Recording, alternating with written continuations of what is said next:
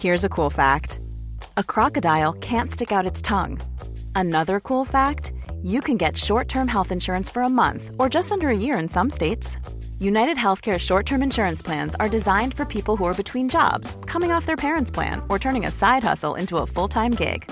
Underwritten by Golden Rule Insurance Company, they offer flexible, budget friendly coverage with access to a nationwide network of doctors and hospitals. Get more cool facts about United Healthcare short term plans at uh1.com. Hiring for your small business? If you're not looking for professionals on LinkedIn, you're looking in the wrong place. That's like looking for your car keys in a fish tank. LinkedIn helps you hire professionals you can't find anywhere else, even those who aren't actively searching for a new job but might be open to the perfect role. In a given month, over 70% of LinkedIn users don't even visit other leading job sites. So start looking in the right place. With LinkedIn, you can hire professionals like a professional. Post your free job on linkedin.com slash people today. Hey, I'm Ryan Reynolds. At Mint Mobile, we like to do the opposite of what Big Wireless does. They charge you a lot, we charge you a little. So naturally, when they announced they'd be raising their prices due to inflation, we decided to deflate our prices due to not hating you. That's right. We're cutting the price of Mint Unlimited from $30 a month to just $15 a month. Give it a try at mintmobile.com slash switch. $45 upfront for three months plus taxes and fees. Promo rate for new customers for limited time. Unlimited more than 40 gigabytes per month. Slows. Full terms at mintmobile.com. Hej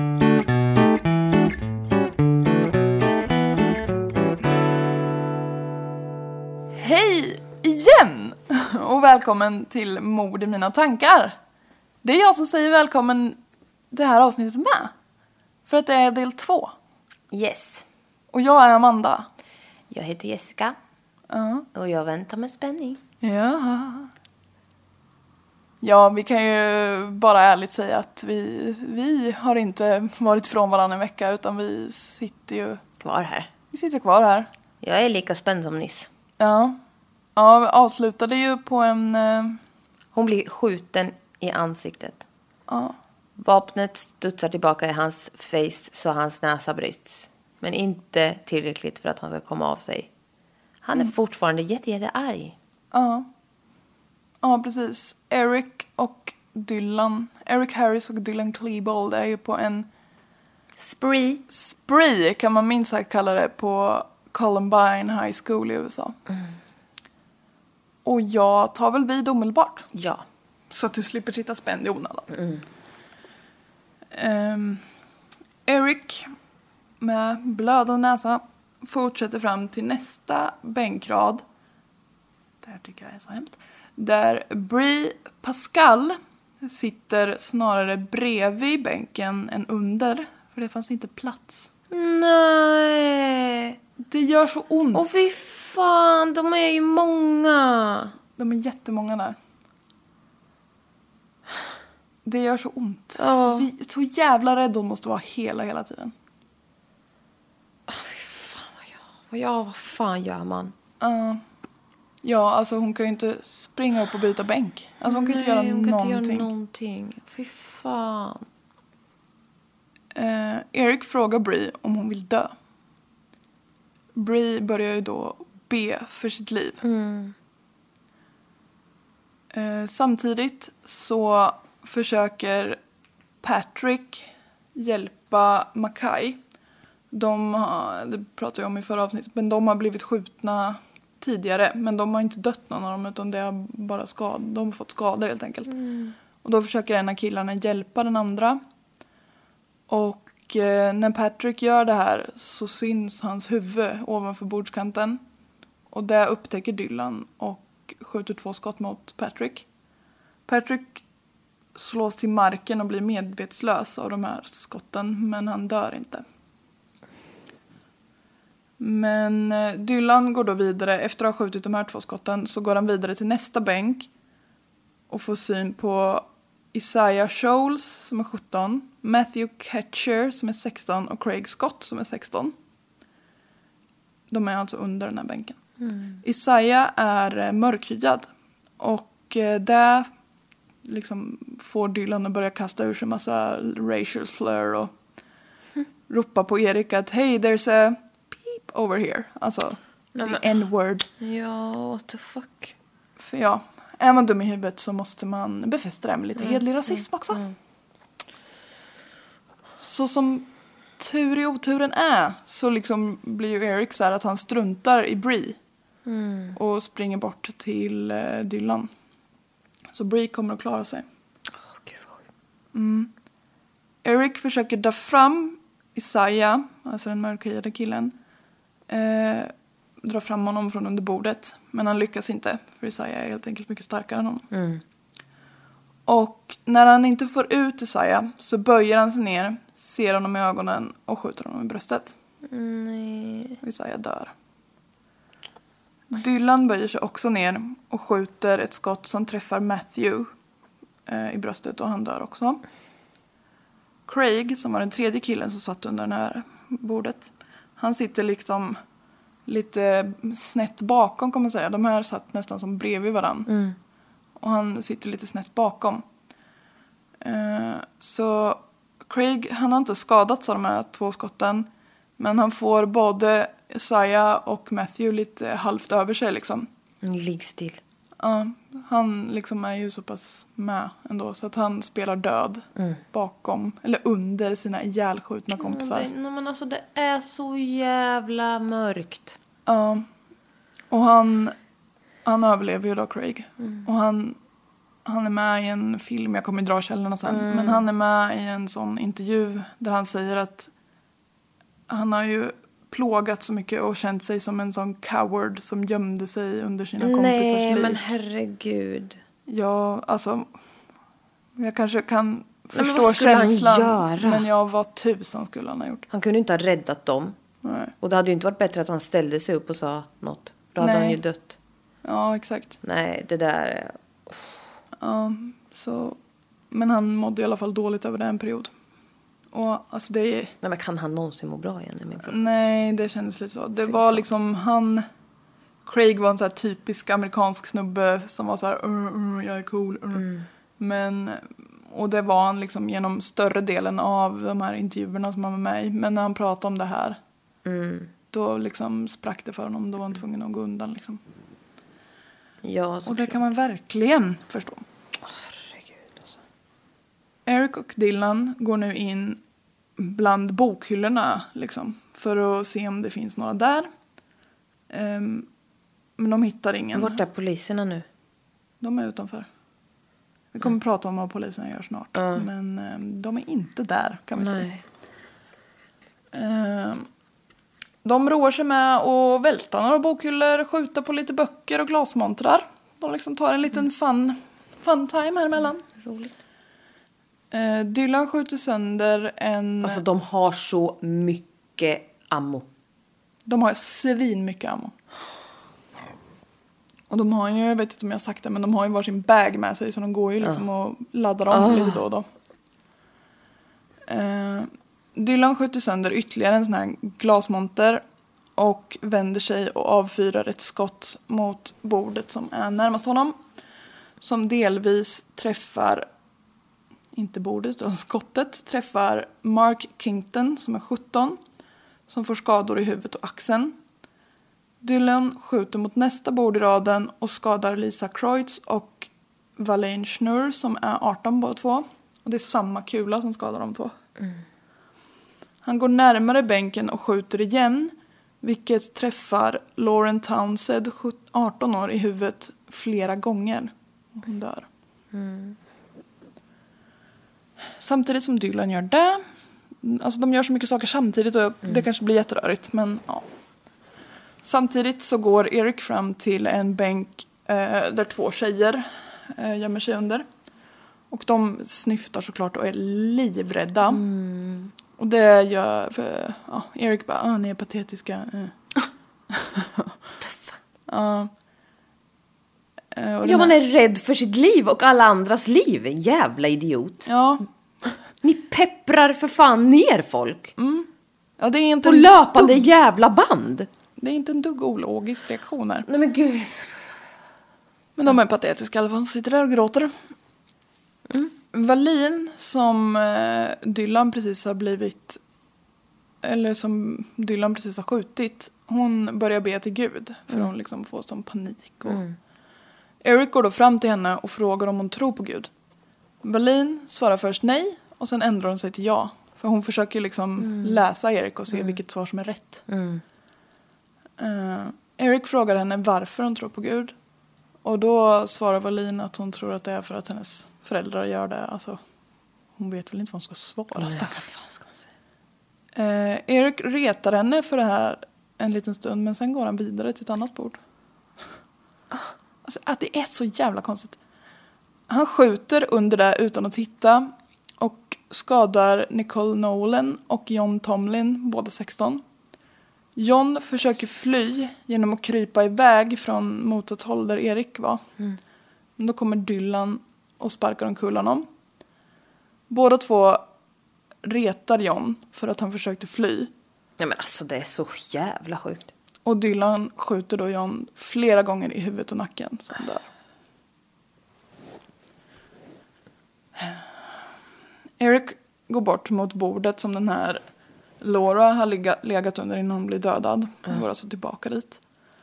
Och vid bordet bredvid så ser han Kelly Fleming som är 16 år och precis som Bree som jag nämnde i förra avsnittet så sitter hon mer bredvid istället för under eftersom det inte finns plats. Hon sitter med ryggen mot Erik och han skjuter henne med ett skott i nacken så hon dör direkt. Han fortsätter med att skjuta mot Laura och bordet som hon har legat under. Vilket träffar Laura igen och skadar dem som redan blivit träffade innan. Och även Jenna Park, 18 år, blir skadad. Men ingen mer under just det här bordet dör. Alltså, det, det är så många. Det är jättemånga. Jag kommer, fram, jag kommer säga hur många det är snart. Obduktionen här visar dock att Laura dog redan vid första skottet. Så hon har i alla fall inte lidit av de andra eller man ska säga. Nu är klockan 11.37. Alltså det är helt galet. Det har gått alltså ungefär 17 minuter sedan de började. Och de har hunnit ta ihjäl så många. Och då undrar man, vad fan gör polisen? Ja, vart fan är de? Ja. De är utanför och Plockar följer- blommor. Och plockar blommor för att lägga under sin huvudkudde. Nej, de eh, gör precis enligt rutin och står utanför och omringar och väntar på att eh, gisslandramat ska börja. För, eh, alltså, det här är en av de, det är en ganska tidig skolskjutning i USA. Så de har liksom, polisen har inte i sitt mindset att det här kan vara någon som bara är ute för att döda så många som möjligt. Nej, de tror inte det. Nej, de tror att de bara ska ta gisslan. Så därför är de lite passiva och går inte in. Nej! Så polisen går inte in i byggnaden utan de liksom vill inte provocera dem utan de väntar på att de ska komma med sina... Nej! Jo. Så de går inte in.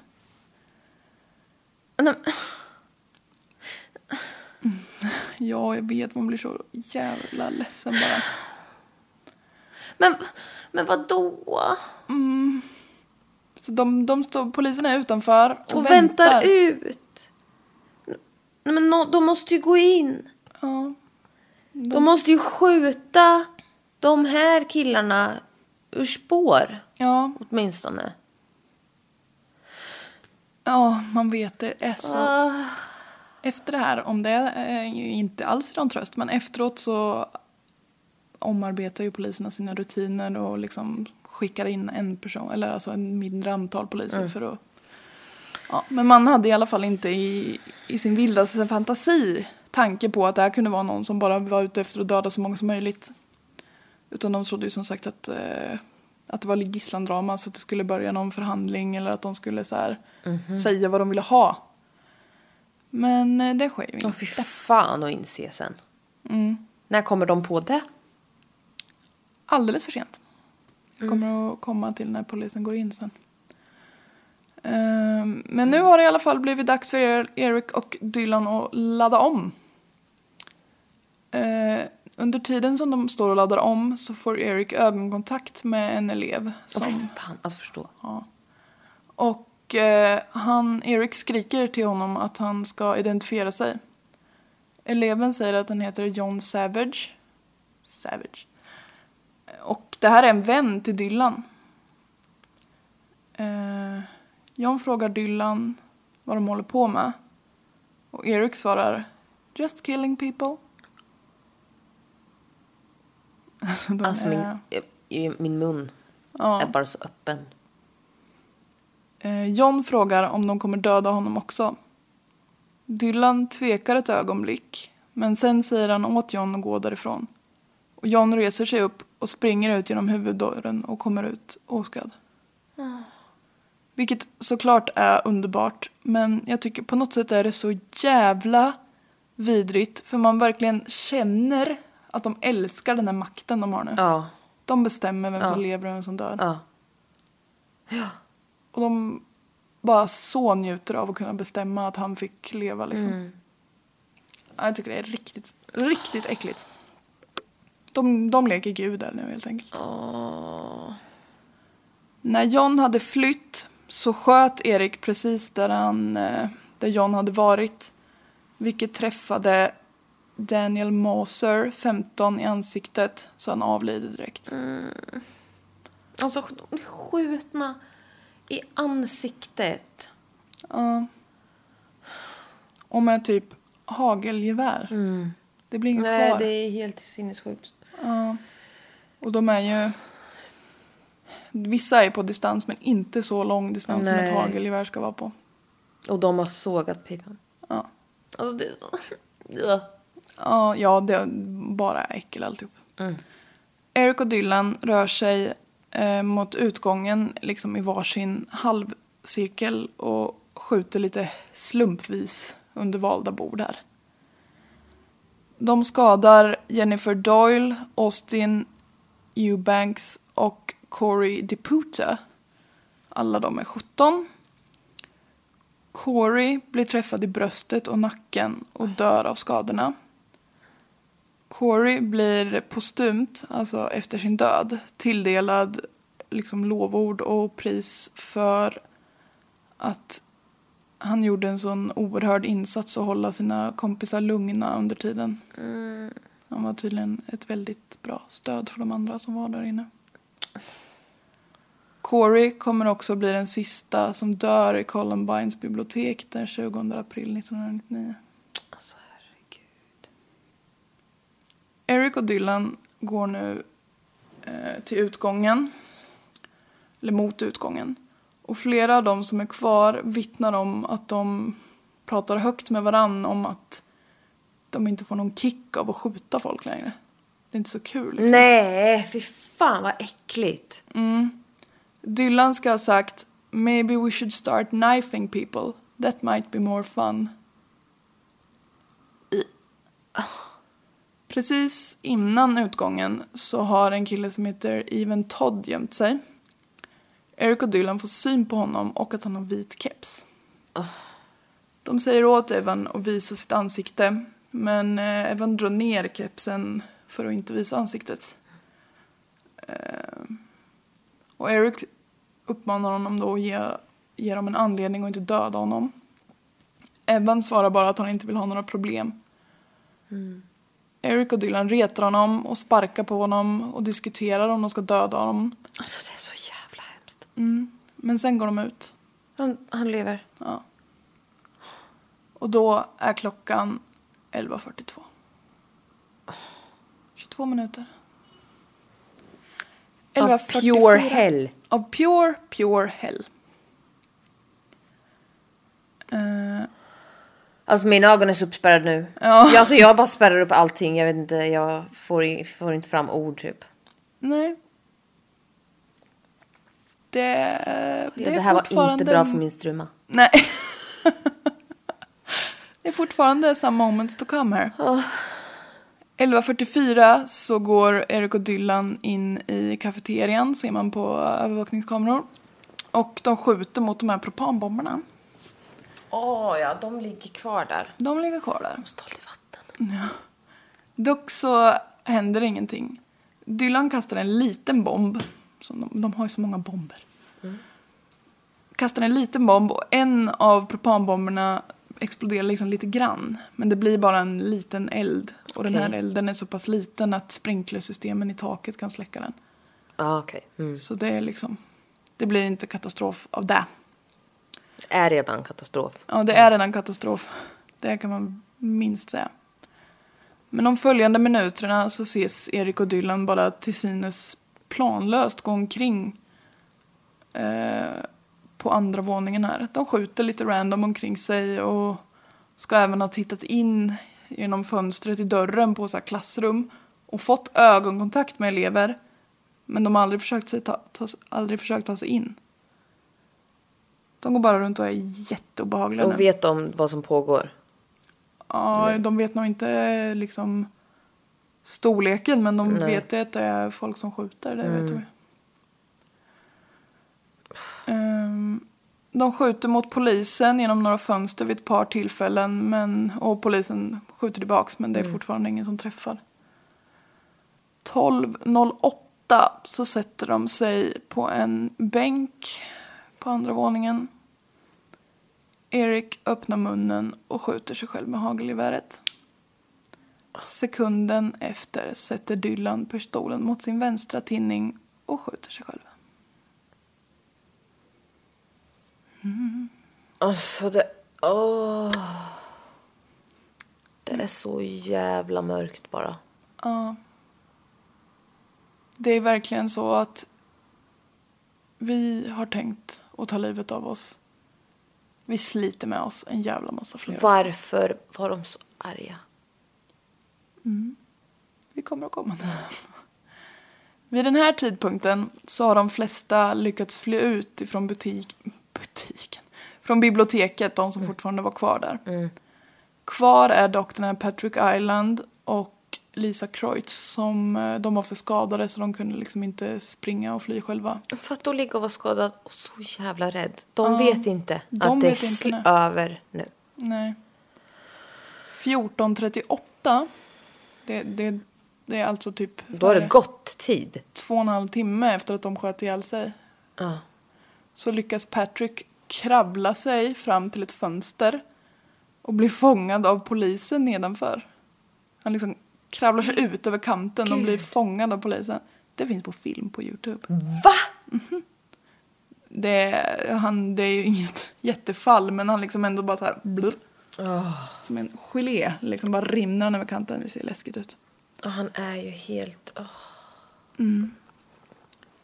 Uh, ska se. Allt jag har att komma med det här avsnittet är... det är allt man bör komma med. jag på säga. 15.22 går polisen in i lokalen och lyckas evakuera Lisa och de andra som är kvar där inne. 15.22. Alltså det har gått så lång tid. Det är tre och en halv timme efter att Hur de fan har sköt de, sig. har de bara stått och glott utanför? Ja, Nej men det är helt sinnessjukt! ja. De vet ju, polisen vet att... För det första så vet ju inte polisen att de har skjutit sig själva. Så Nej. de tror att de är kvar där inne. Men de kan ju inte stå där hur länge som helst. Till 15.22. Men eh, det är också så att... Alltså jag gäspar inte för att det är tråkigt. Nej, jag förstår. Dina ögon talar om är Ja. Men de har ju också... Polisen vet att det är bomber där inne. Så de vågar inte gå in för det heller. För de vet inte magnituden av bomberna och massa skit bara. Men nu har de i alla fall evakuerat alla levande ifrån skolbyggnaden. Alla som har befunnit sig i lokalen under den här massakern skickas med bussar till en närliggande skola som heter Leewood Elementary School för att de ska kunna återförenas med sina föräldrar där. För de vill ju inte ha massa folk utanför här nu. Och ehm, alla föräldrar hade ju såklart ringt ner polisen och skolan och alltså det var ju typ kaos. Paniken. Ja, ja, oerhörd panik när man ser på tv att det är skjutning på sin tänka barns mig. skola. Ja. Och eh, ja, men när de hade ringt så hade de bara hänvisat dem till den här skolan. Och blivit meddelade att deras barn skulle komma dit för att bli omhändertagna liksom. Och man, man skickar ju säk- eh, såklart de som har blivit eh, skadade till närliggande sjukhus lite överallt. Bara de massskickar iväg folk. En polis sa att det var som att de bara liksom kastade in folk i princip. För att det var så många som behövde, som behövde hjälp. Eh, under eftermiddagen så mötte massor av föräldrar upp sina traumatiserade och chockade barn. Tom Mauser, som var en av de föräldrar som stod och såg på när de andra föräldrarna hämtade upp sina barn. Han ville så himla gärna vara en av de föräldrarna som hämtade upp sitt barn. När det började närma sig kväll så fick Tom och ett dussintal andra föräldrar reda på att en sista buss var på väg ifrån Columbine. Nej men alltså det här är- gör så ont i hjärtat och jag kan tänka, jag har inga barn. Men alltså det här är, alltså jag kan inte föreställa mig överhuvudtaget. Nej. Nej, man liksom... Vi som inte har några barn känner att det här är jävligt Ja, tufft. ja. Hey, it's Ryan Reynolds, and I'm here with Keith, co star of my upcoming film, If, only in theaters, May 17th. Do you want to tell people the big news? All right, I'll do it. Sign up now and you'll get unlimited for $15 a month in six months of Paramount Plus Essential Plan on us. Mintmobile.com slash switch. Upfront payment of $45 equivalent to $15 per month. Unlimited over 40 gigabytes per month. Face lower speeds. Videos at 480p. Active Mint customers by 531.24 get six months of Paramount Plus Essential Plan. Auto renews after six months. Offer ends May 31st, 2024. Separate Paramount Plus registration required. Terms and conditions apply if rated PG. Hey there, it's Michelle Norris. I'm host of a podcast called Your Mama's Kitchen. When I travel, I'm usually looking for a way to find a taste of home when I'm not at home. And one of the things I love to do when I am at home is entertain. And Airbnb allows me to do that. When I was in California recently, I rented a house that had a great kitchen. And when we were sitting around the table, we we're all thinking, we're in someone else's house. Someone could be in all of our homes as well. If you have a home, but you're not always at home, you have an Airbnb. Your home might be worth more than you think. Find out how much at airbnb.com/slash host. Åh. Så de meddelade också att om deras barn inte var med på den här bussen så var de troligen ett av offren. Ah, fy fan, alltså, det är så... Det, den, det är inte kul. Nej. Med Tom väntade också Craig Scott och hans föräldrar. Craig Scott var ju han som fick gömma sig under sina kompisars lik. För Craig har nämligen en syster, Rachel Scott, som också gick på Columbine. Rachel var den första som blev skjuten. Det var hon som satt och åt lunch i gräset.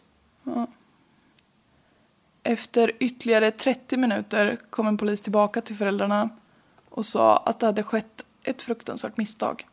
Det fanns ingen mer buss. Nej. Nej, lägg av. Nej. De hade sagt fel. Alltså jag får gåshud när jag tycker det är så jävla hemskt. Och den här pappan är med på Men dokumentären. alltså det här är bland det värsta jag har hört. Jag säger det, jag säger det ofta. Ja. Men det, nu det liksom... Och den här pappan är med i Youtube-dokumentären. Alltså det gör så jäkla ont att se honom. Han pratar om sin son. Och sonen hette Daniel Mauser. Jag nämnde honom tidigare men det var ju så många så jag förstår om man inte kommer ihåg det. Men han var en av de som blev skjuten i ansiktet. Vet, vet du att jag, det är allt jag sitter och tänker på här?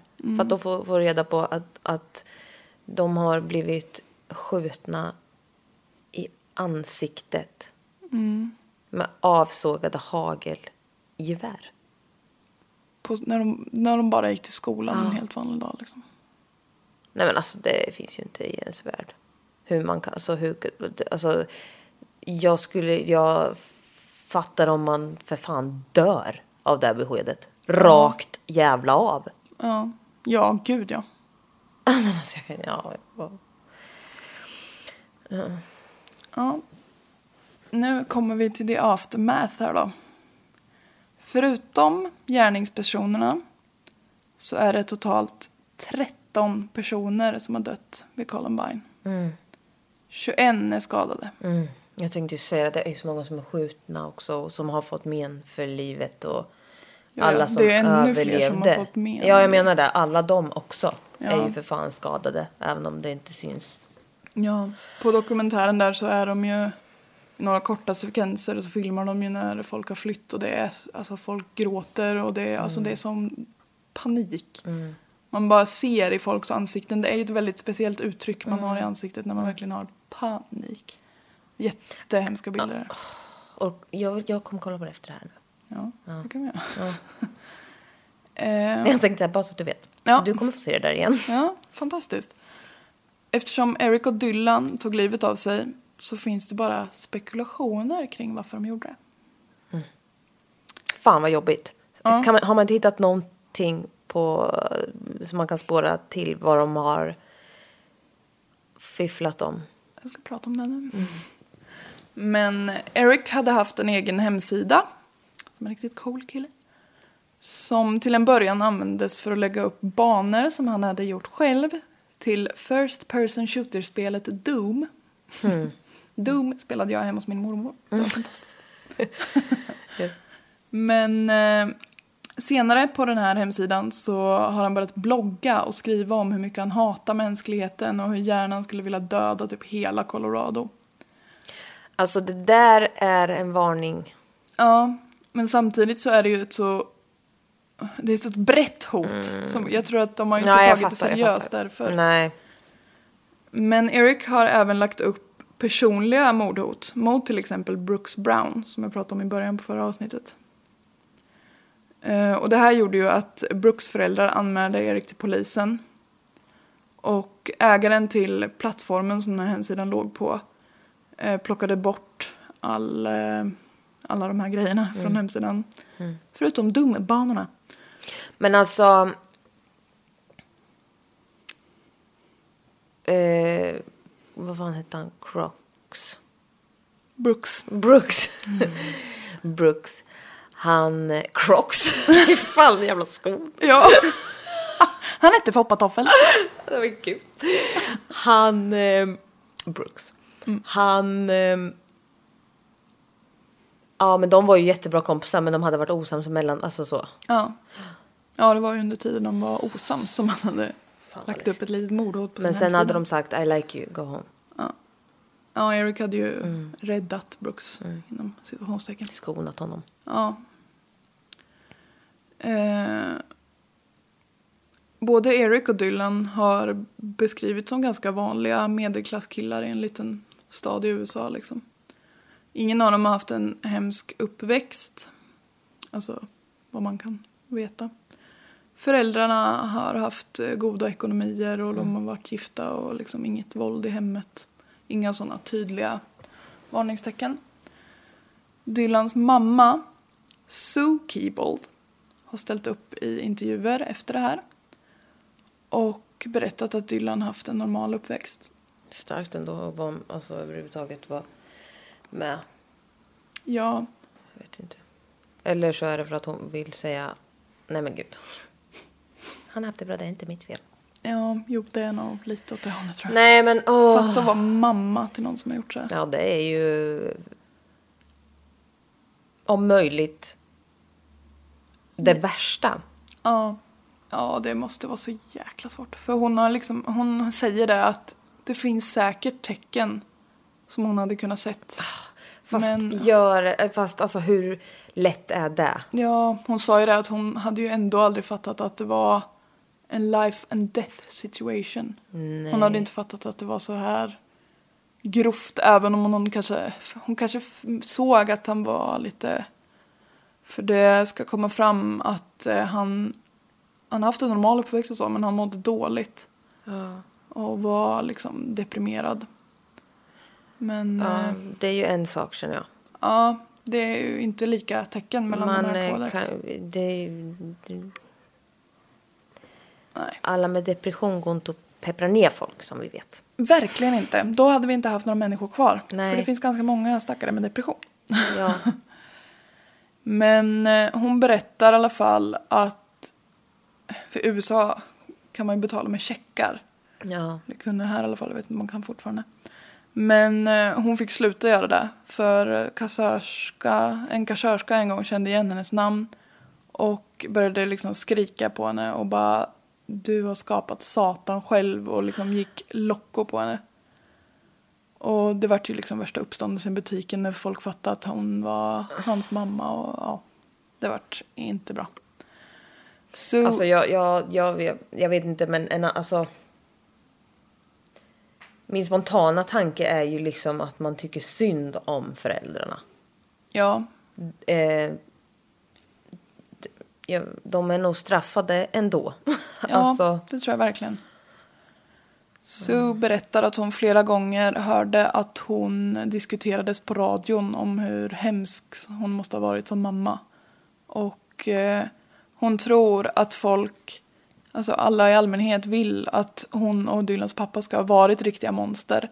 så att de kunde skylla på något. Ja, för det hade varit en lätt förklaring liksom. Och det skulle även hjälpa folk att distansera sig och intala liksom, sig själva att deras barn skulle aldrig kunna göra något sådant för vi har ju varit så bra föräldrar. Och eh, hon har hört folk säga At least I didn't create a Columbine. Det är fint att få höra. Eh, eh, ja, jag vet inte. Efter att Erics hemsida lagts ner så började Eric skriva dagbok för hand och uppmanade Dylan att göra detsamma. I Erics dagbok så framkommer det att han är väldigt hatisk som person och att han har väldigt lätt för att skriva upp personer inom situationstecken, citationstecken Mm, på sin svarta lista. Eh, Han har också beskrivits med flera psykopatiska drag. Så som att han har varit väldigt manipulativ och saknat medkänsla för andra människor. Och det, de säger att det har märkts i flera olika situationer. Och ett exempel som jag såg eh, är att han har gått till Brooks föräldrar efter att han slagit sönder Brooks vindruta. Som vi pratade om i första avsnittet där. Och eh, för att be om ursäkt till föräldrarna liksom. Men Brooks mamma sa att hon såg hur tom han var i ögonen. Han menade liksom inte alls det han sa. Nej. Och eh, när hon liksom konfronterade honom med det, att jag ser ju att du inte menar det. Då hade han bara blivit rasande och gått därifrån. Och flera andra personer har också vittnat om att Eric verkligen var expert på att säga det du ville höra. Så att Men han skulle- var empatistörd liksom. Ja, exakt. Men därför så framstod han ju som... Många tyckte att han var så här, ah, sweet and kind. Ja. Men egentligen så var han bara manipulativ liksom. Ja, men alltså folk kan ju lära sig att säga där de vet att de ska säga. Exakt. Ja. Dylan hade gått och pratat hos en terapeut eh, en tid och fått olika antidepressiva utskrivet. Och Dylan beskrevs som vänlig men att han hade väldigt låg självkänsla. Psykopater äter folk med dålig självkänsla. Redan på första sidan i sin dagbok så skrev Dylan att han ville ta livet av sig. Mm. psykologer har beskrivit det som att eh, Eric och Dylan helt enkelt var en riktigt toxic match. Eric var liksom väldigt hatisk och manipulativ. Och Dylan var deprimerad och låg självkänsla självkänsla och sökte efter någon som kunde bekräfta honom. Mm. Och samtidigt så spödde liksom, eftersom Dylan var så låg själv så spädde han på Eriks mörka tankar. Och Och- det andra blev till hat också. Ja, precis. Ja, det är ingen bra kombo det där. Nej. Men ja, mycket är ju som sagt bara diskussioner. Sparkar precis ner en katt. Nej, men vad hände? Var det Kalle som ramlade ihop? Hoppas jag inte. Ehm, Vad hände? Han kanske dog. han har sina lurar på sig. Det var ju något där inne ramlade. Var det? Jag tyckte det lät som att det var någonting här bakom. Det är mina Bose-lurar! Har jag sparkat ner i en Bose?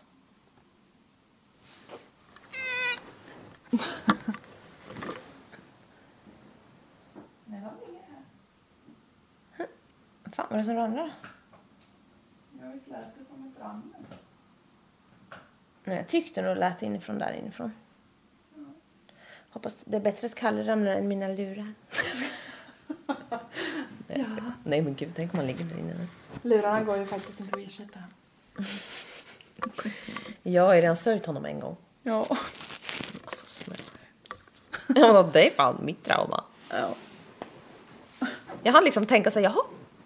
Ska jag liksom, ska jag bo här själv? Jag kan inte bo här själv.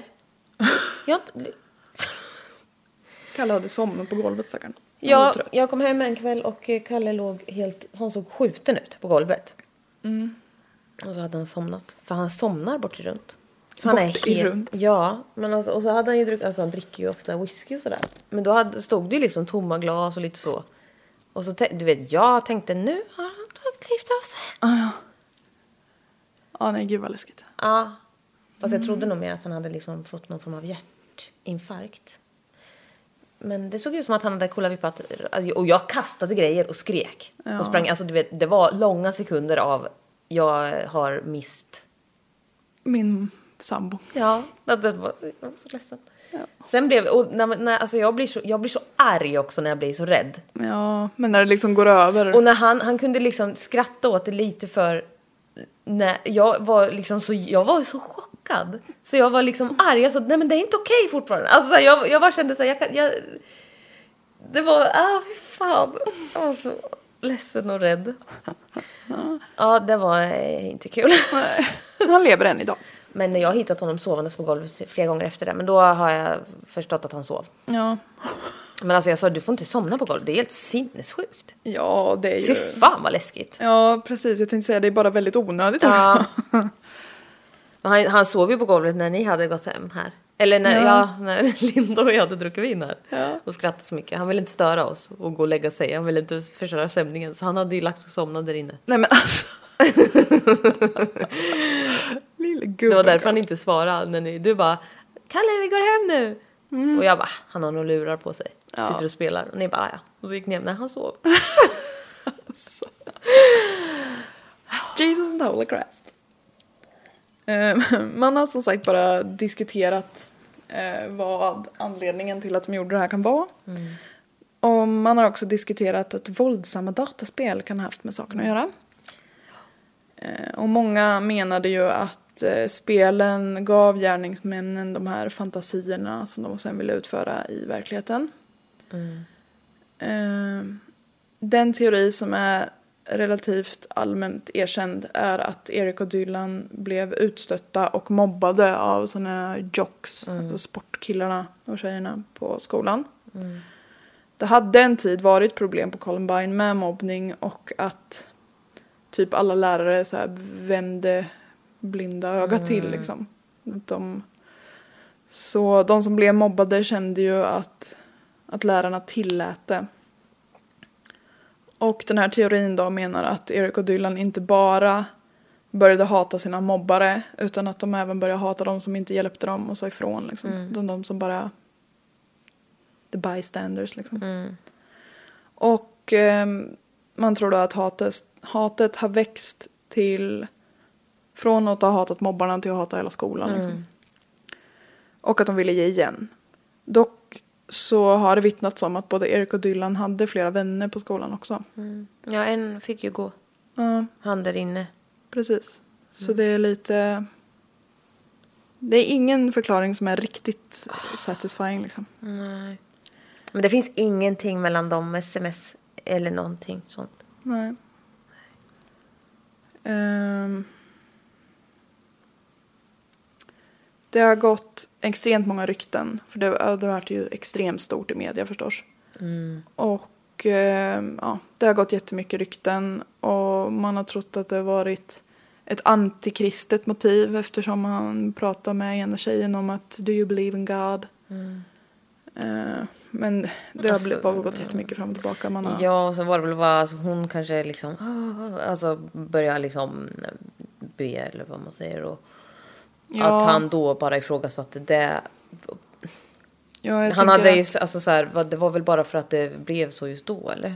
Känns det som. Ja, ja, jag tror det. Men eh, Men ja, man vet inte. nej, folk försöker ju hitta förklaringar på allting här. Men eh, det finns som sagt inga raka svar på varför två till synes normala killar kunde döda 13 personer, skada 21 och sen ta livet av sig. Man ville ju gärna att de skulle bli tagna innan de hann skjuta sig själva. Ja, verkligen. Men de hade ju gott om tid på sig. Polisen gick ju inte in efter typ två och en halv timme efteråt. Tre.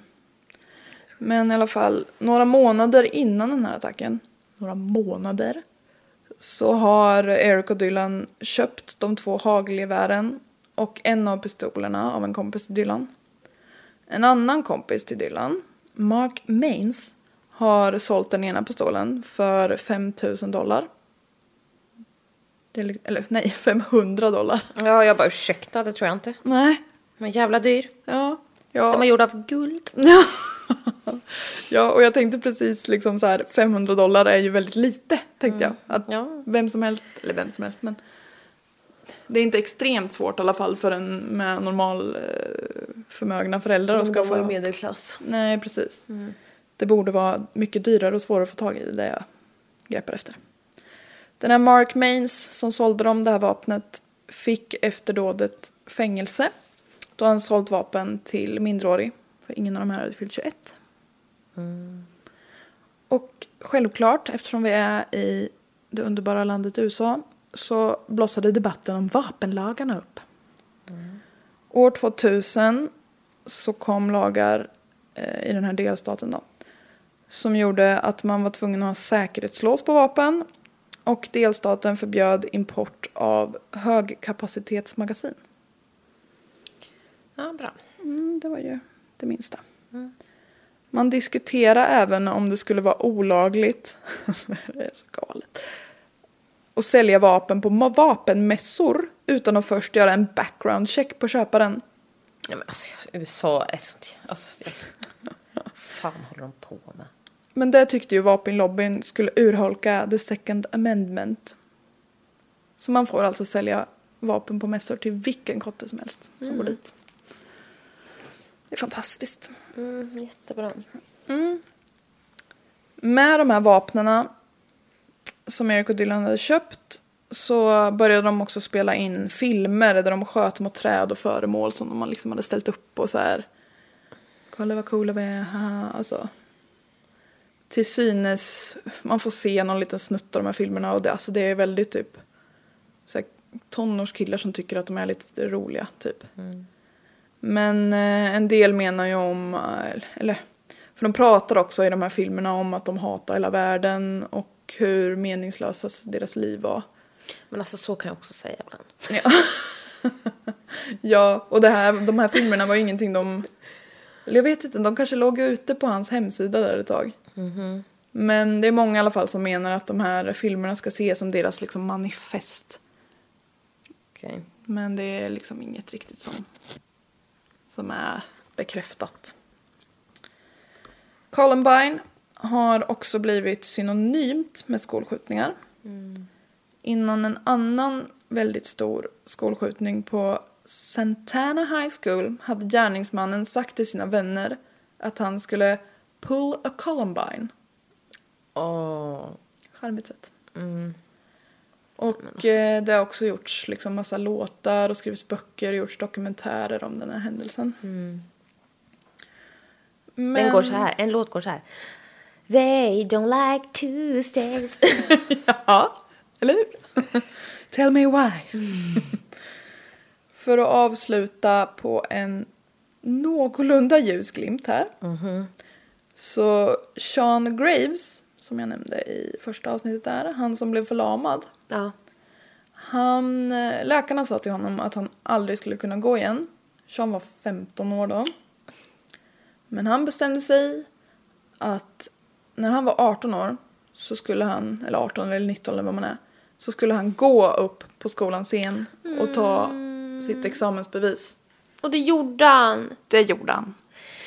Jävla king. Ja, det var så fint. Han var med i den dokumentären och berättade om det. Det var, det var vackert. Ja, det var vackert då. Det var vackert. Man drar lite källor där snabbt. Ja. Wikipedia. Stark Sue- källa. Va? Stark återkommande källa. Ja, den är bäst. Sue Keybold, My Life as the Mother of a Columbine Killer på Youtube. Murder at Columbine High School, Mass Shooting Documentary av Real Crime på Youtube. Och flogas.se om propan. Ditt lilla inslag av propan. Ja. Jo, tack för det här. Jag mår skit. ja, det var Columbine Wow. School Shouting. Shout. School Shooting. Twist and shout. Twist and shout. Come on, come on, come on, come on, baby now. Columbine, Columbine, Columbine, baby now. Opassande. Ja. Men ja, det, alltså det är ju som sagt ett av USAs absolut största. Dåd. Ja. Ja. Jag vet inte vad jag ska säga mer. Jag har ju bidragit med mest utandningar i det här avsnittet. Så det får, Men jag- det får vara så. Ja, det var... Det var tillräckligt tycker wow. jag. God damn. God damn.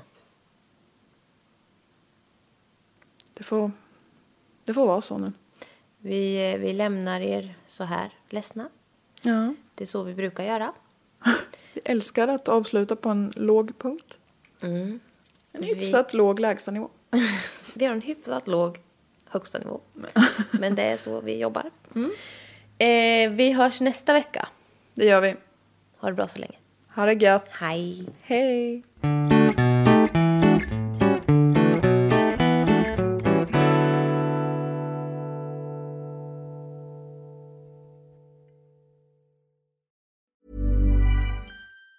Even on a budget, quality is non-negotiable. That's why Quince is the place to score high-end essentials at 50 to 80% less than similar brands. Get your hands on buttery soft cashmere sweaters from just 60 bucks, Italian leather jackets, and so much more.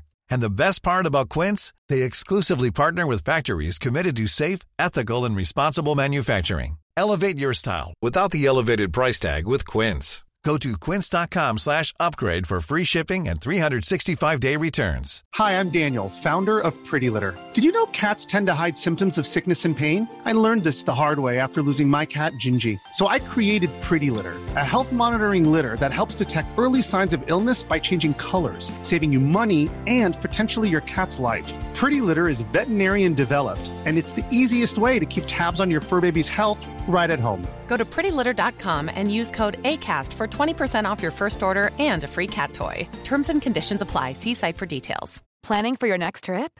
Elevate your travel style with Quince. Quince has all the jet setting essentials you'll want for your next getaway, like European linen, premium luggage options, buttery soft Italian leather bags, and so much more. And is all priced at 50 to 80% less than similar brands. Plus, Quince only works with factories that use safe and ethical manufacturing practices. Pack your bags with high-quality essentials you'll be wearing for vacations to come with Quince. Go to quince.com slash pack for free shipping and 365-day returns.